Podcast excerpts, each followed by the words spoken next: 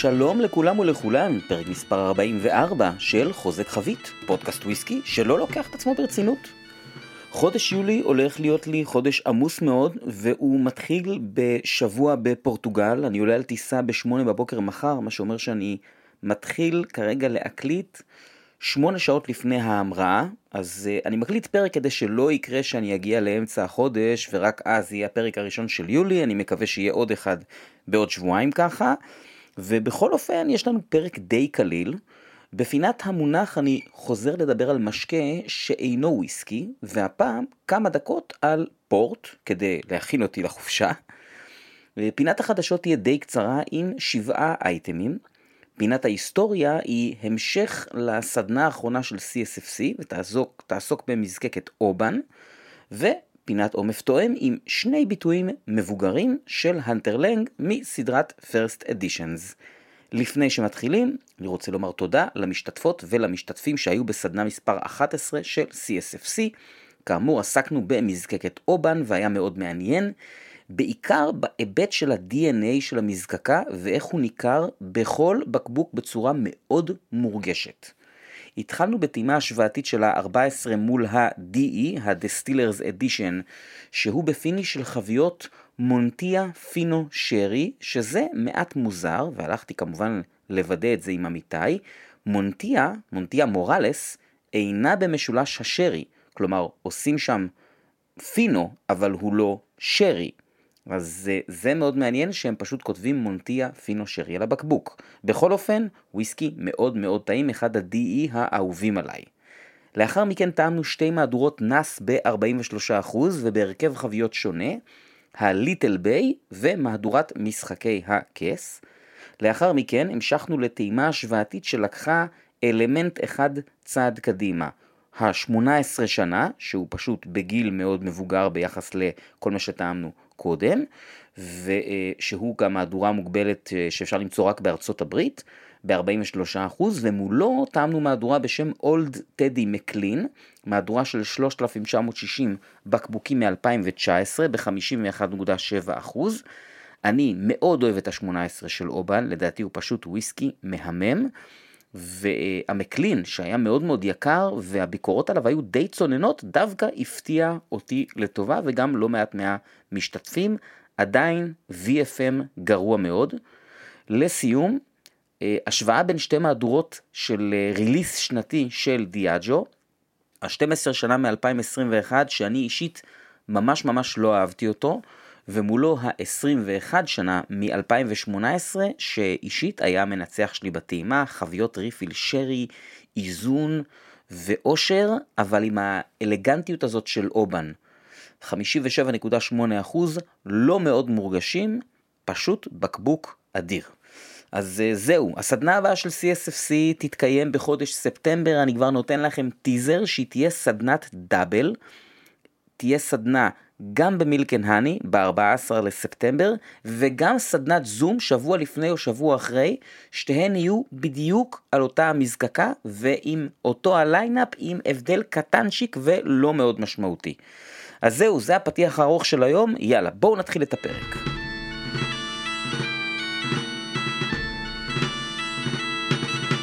אז היום בפינת המונח, כפי שאמרתי, אני רוצה לדבר קצת על פורט, יש לזה אה, שתי סיבות.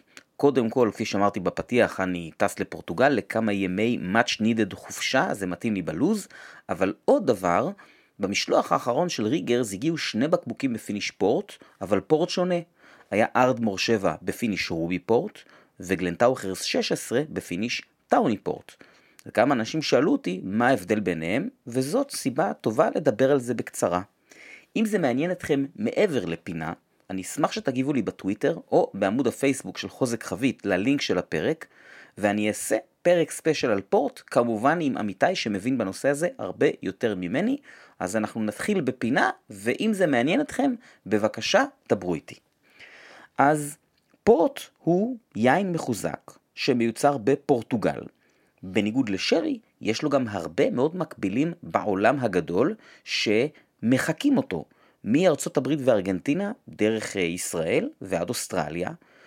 כמובן שהם אינם יכולים להיקרא פורט כי הם לא מיוצרים בפורטוגל, אז הם לרוב נקראים port style wine או port style fortified wine, ונשאלת השאלה, מדוע פורט זוכה ליותר חיקוי מאשר שרי?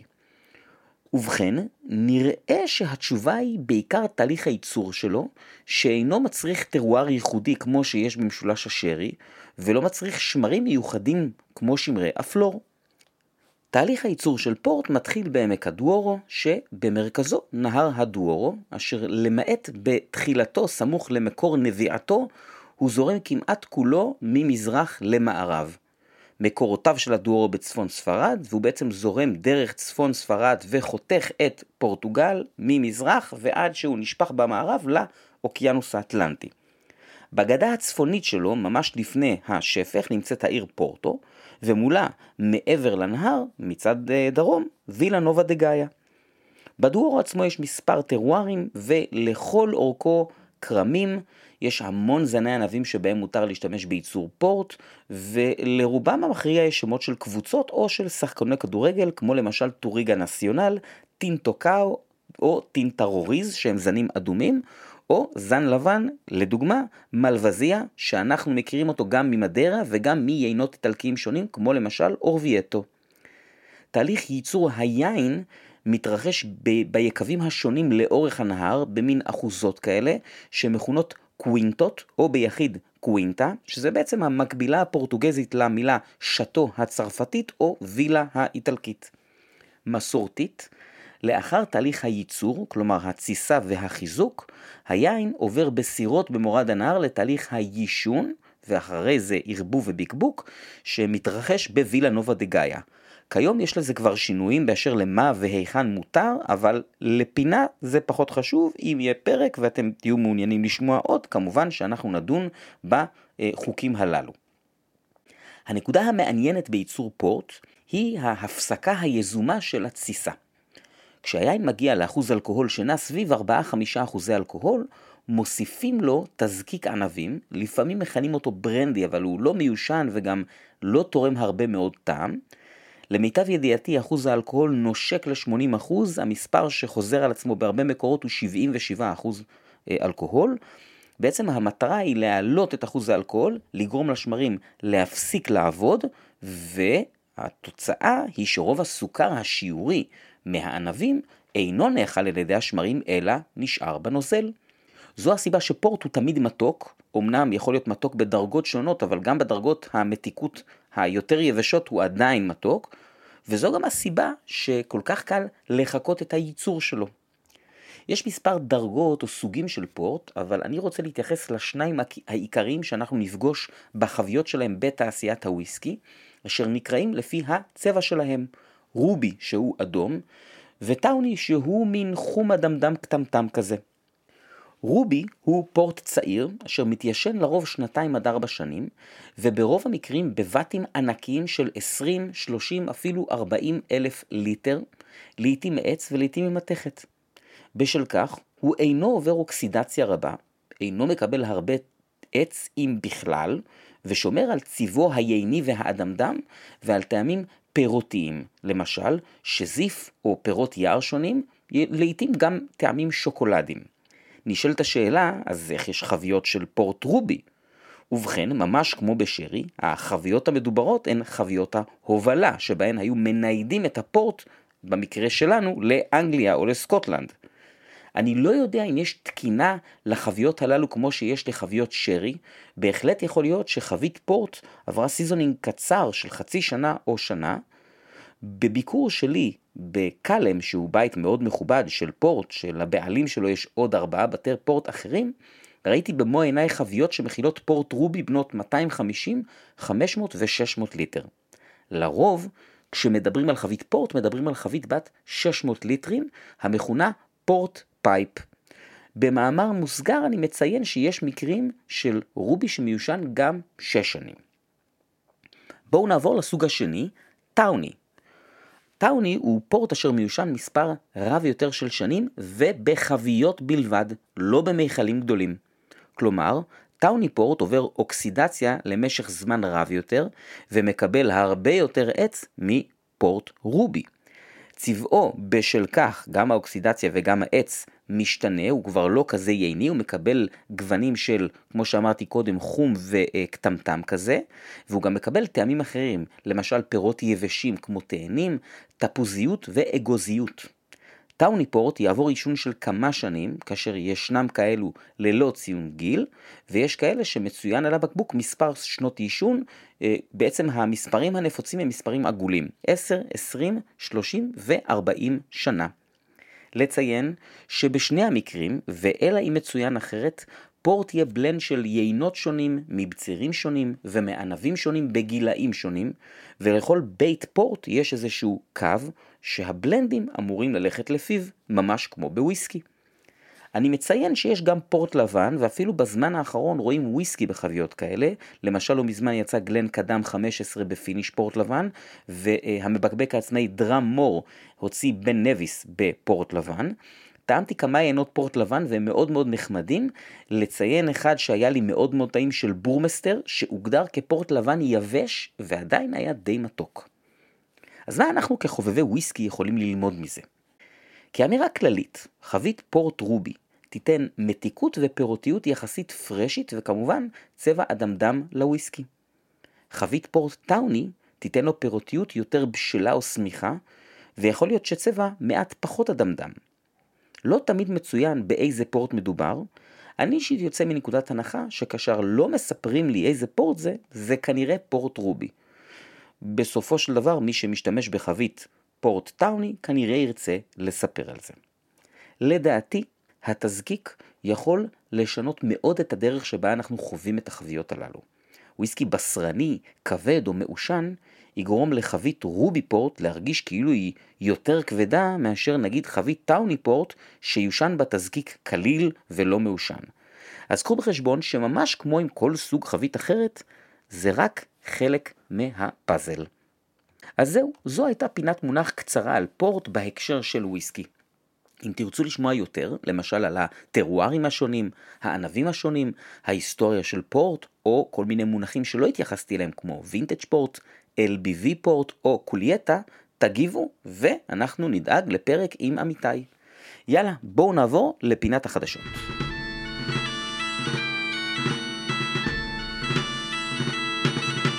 אז היום בפינת החדשות שבעה אייטמים ואנחנו מתחילים עם מזקקה יחסית חדשה. לאחר שהוציאה את הוויסקי הראשון שלה בשנה שעברה, מזקקת גלן וויביס הוציאה את הוויסקי השני שלה. הוא מכונה Batch 2 לוחסן 18, כלומר הבאץ' השני שיוצא מזיקוק שנעשה ב-2018. הבאץ' הזה כולל 23 חביות ברל והוגזד לפי המפתח הבא. 60% מהנוזל יושן בחביות אקס טנסי במילוי ראשון, 25% בחביות אולורוסו הוגזד במילוי ראשון, ו-15% הנותרים ב refill hogsheads.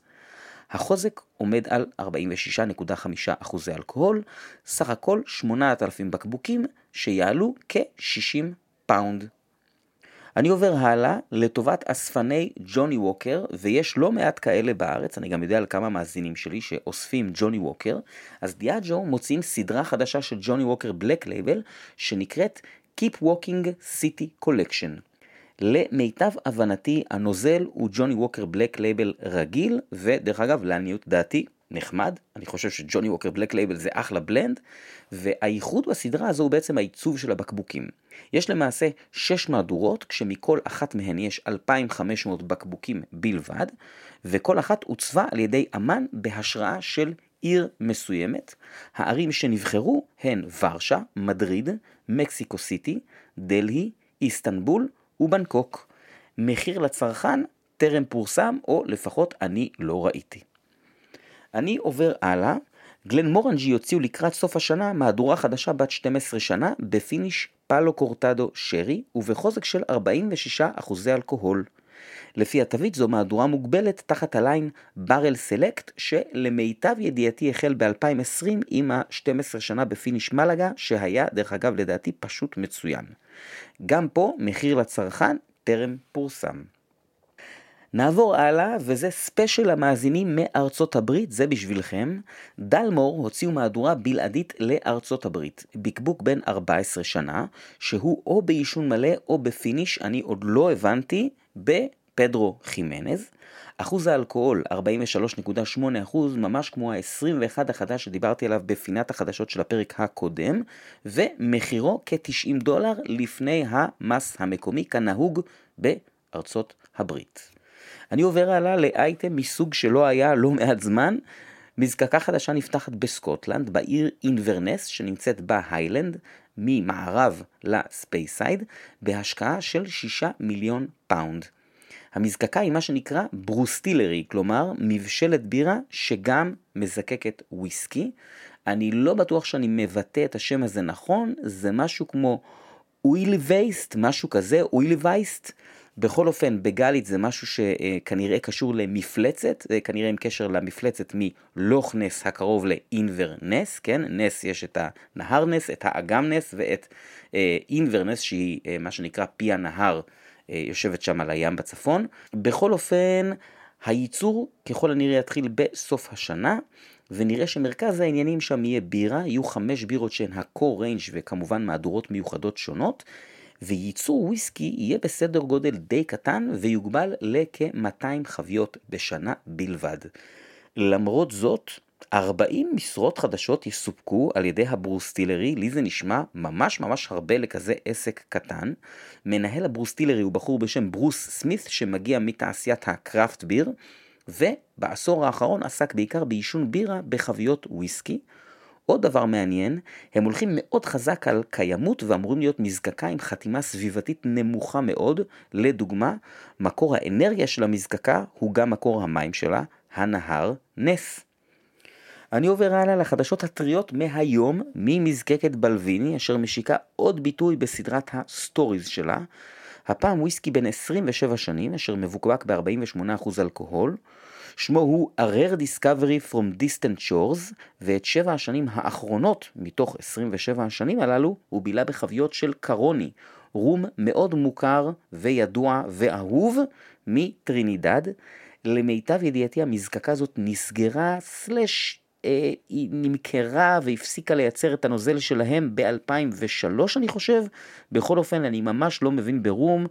ואני לא מתיימר להתעמק בזה, אני גם לא רוצה לדבר על מומחה רום שהוזכר בהקשר של הביג בוק שקוראים לו ג'ון בארט או בארט.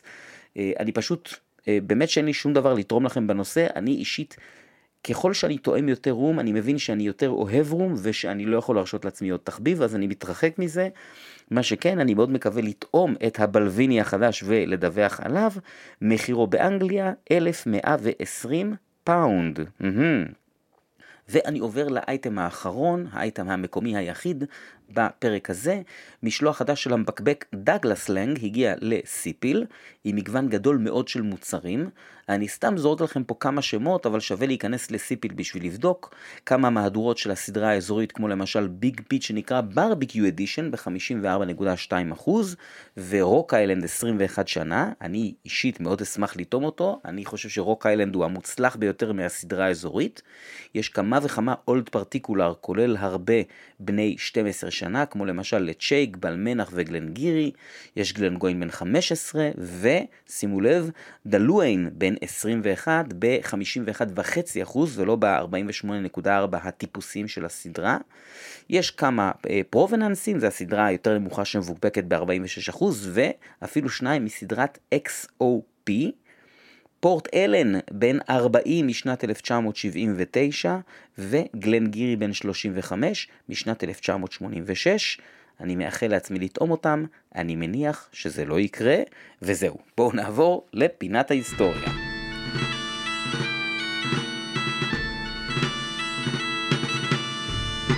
היום בפינת ההיסטוריה בעקבות סדנה מספר 11 של CSFC שעסקה במזקקת אובן, כפי שדיברתי אה, עליה בפתיח, אני רוצה גם לספר לכם, המאזינים והמאזינות, על המזקקה המעניינת הזו, שההיסטוריה שלה בעצם מתחילה יחד עם ההקמה של העיירה עצמה. אובן נמצאת על החוף המערבי של סקוטלנד, בערך מול האמצע של האי מל, והעיירה נבנתה בסוף המאה ה-18 על ידי ג'ון ויו סטיבנסון, והמזקקה בעצם נבנתה במקור כמבשלת בירה במרכז העיירה, כנראה ב-1793. זיקוק ראשון ככל הנראה התרחש ב-1794, אבל הזיקוק הרשמי והמתועד החל רק ב-1799, למרות זאת, שנת ההקמה הרשמית היא 1794, ובכל מקרה, זאת אחת המזקקות הבודדות שבאמת יכולות לטעון לשורשים מוכחים במאה ה-18. המזקקה נותרה בידי המשפחה עד 1866 ואז נמכרה לאיש עסקים מקומי שמכר אותה בעצמו ב-1883 לבחור בשם ג'ון וולטר היגין. המוניטין של אובן החל לצמוח, אבל הייתה שם בעיית גישה, אתם יכולים להסתכל על המפה ולהבין שהמיקום שלה הוא כנראה לא כל כך נוח בעידן שבו אין אה, כבישים ומשאיות. והבעיה הזו בעצם נפתרה ב-1888 כאשר נסללה מסילת רכבת לגלזגו שעברה ליד המזקקה. אני מזכיר לכם, מסילת רכבת זה משהו ממש קריטי להצלחה של מזקקה בימים ההם, אתם כבר שמעתם את זה מוויטה ולדימירסקי על אברפלדי וגם בפינת ההיסטוריה על ארדמור. אז ג'ון וולטר היגין שיפץ את המזקקה גם, למעשה הוא בנה אותה מחדש, וזה רובו של המבנה הנוכחי של המזקקה, ולמרות ההשקעה בשיפוץ ולמרות העניין הזה של הרכבת, הוא בסוף מכר אותה אחרי 15 שנה, ב-1898, לבחור בשם אלכסנדר אדוורד, שהוא שם מוכר יותר בזכות Craigellachie ו Aultmore, החברות שלו עם פיטר מקי, וגם הקמתן של Benromach ו Dallas Dhu, בהחלט איש פעיל מאוד בתחום הוויסקי בסוף המאה ה-19 ותחילת המאה ה-20. הוא החזיק את אובן עד 1923, ומכר אותה לשנתיים בלבד לדיוארס שהעבירו אותה הלאה בעצם לחברה שלהם היא שייכת עד היום, DCL.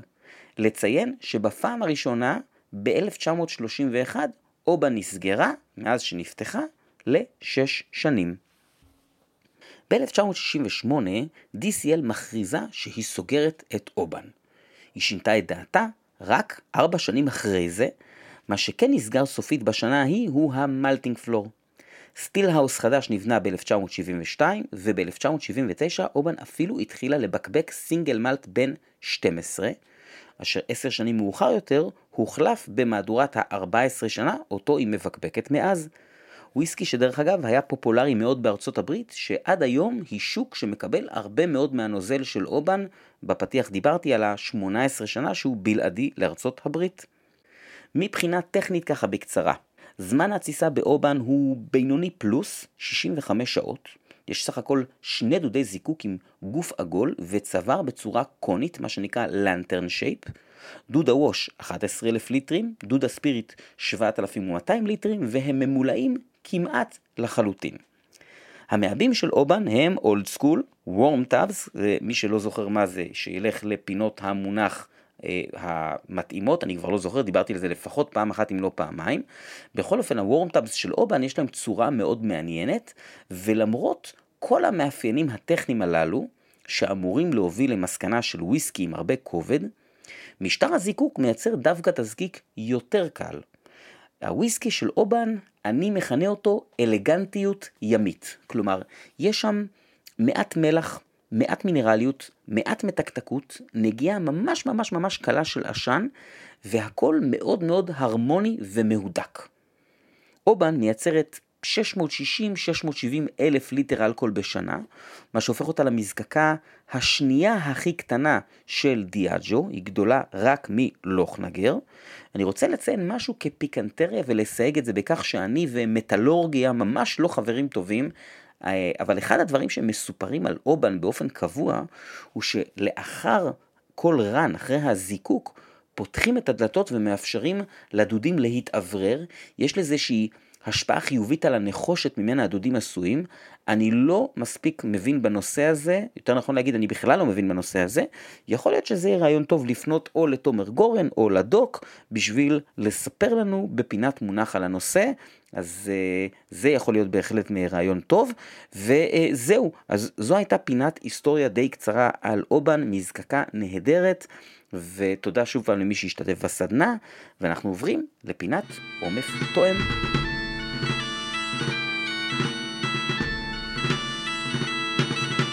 היום בפינת עומף תואם שני ביטויים של Hunter Laing מסדרת First Editions. למי שלא זוכר, זו בעצם הסדרה השנייה הכי גבוהה של המבקבק, Hunter Laing, אה, אחרי סדרת Old and Rare. אני כמובן שם בצד את המהדורה שנקראת Kinship, זה כבר משהו אחר לגמרי.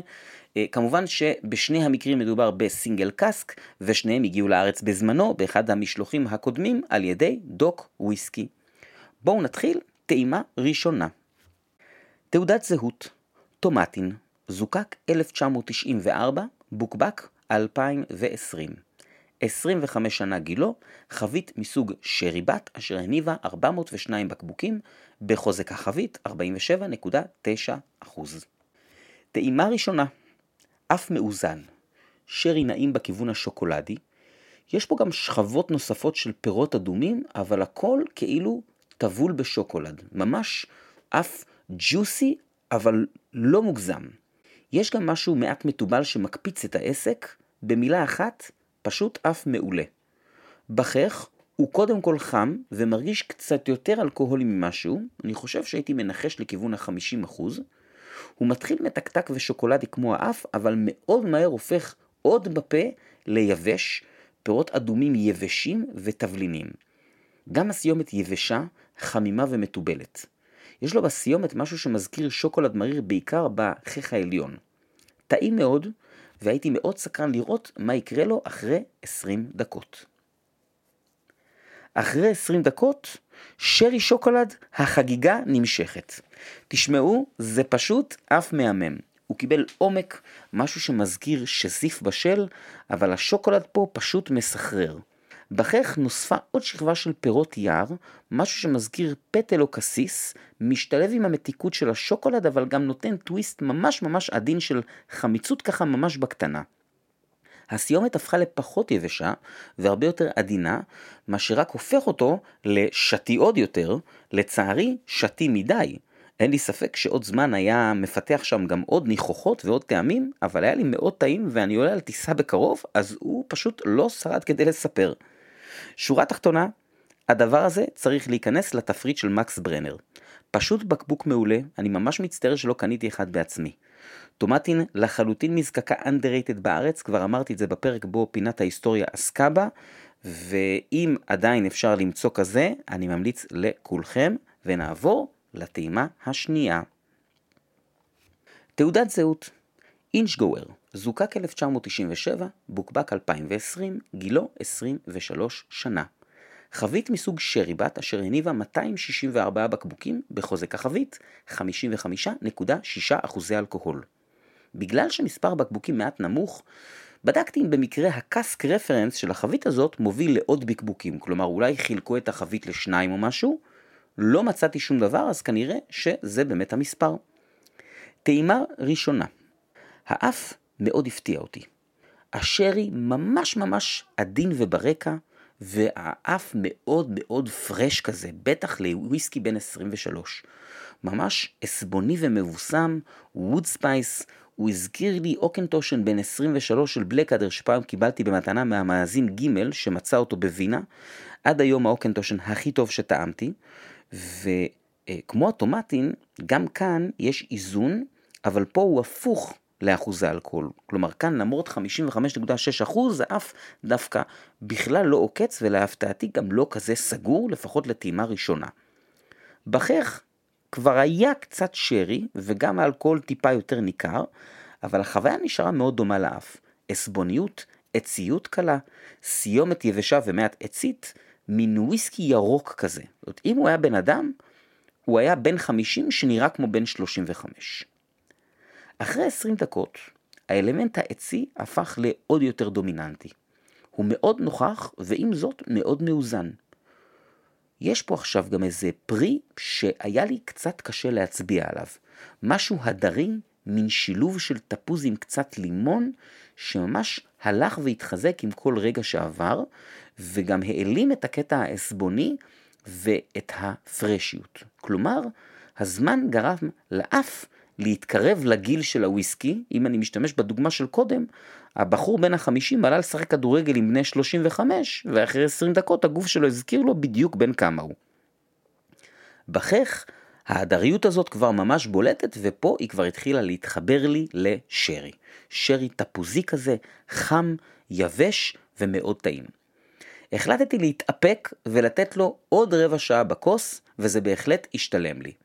האף קיבל נוטים של שרי, וכל ההצגה הזאת שהייתה פה קודם עם הצעירות, עם הפרשיות, עם כל הסיפור הזה, פשוט הלך ממש ממש אחורה, ובפה קרה לו גם משהו מעניין, הוא נהיה מאוד מאוד חם, ועדיין מאוד מאוד מאוזן, שרי תפוזי ועדין, וסיומת ארוכה אבל די קלילה. הוא מין וויסקי שנכנס לחלל הפה, מין פיק כזה, אבל נרגע כמעט מיד.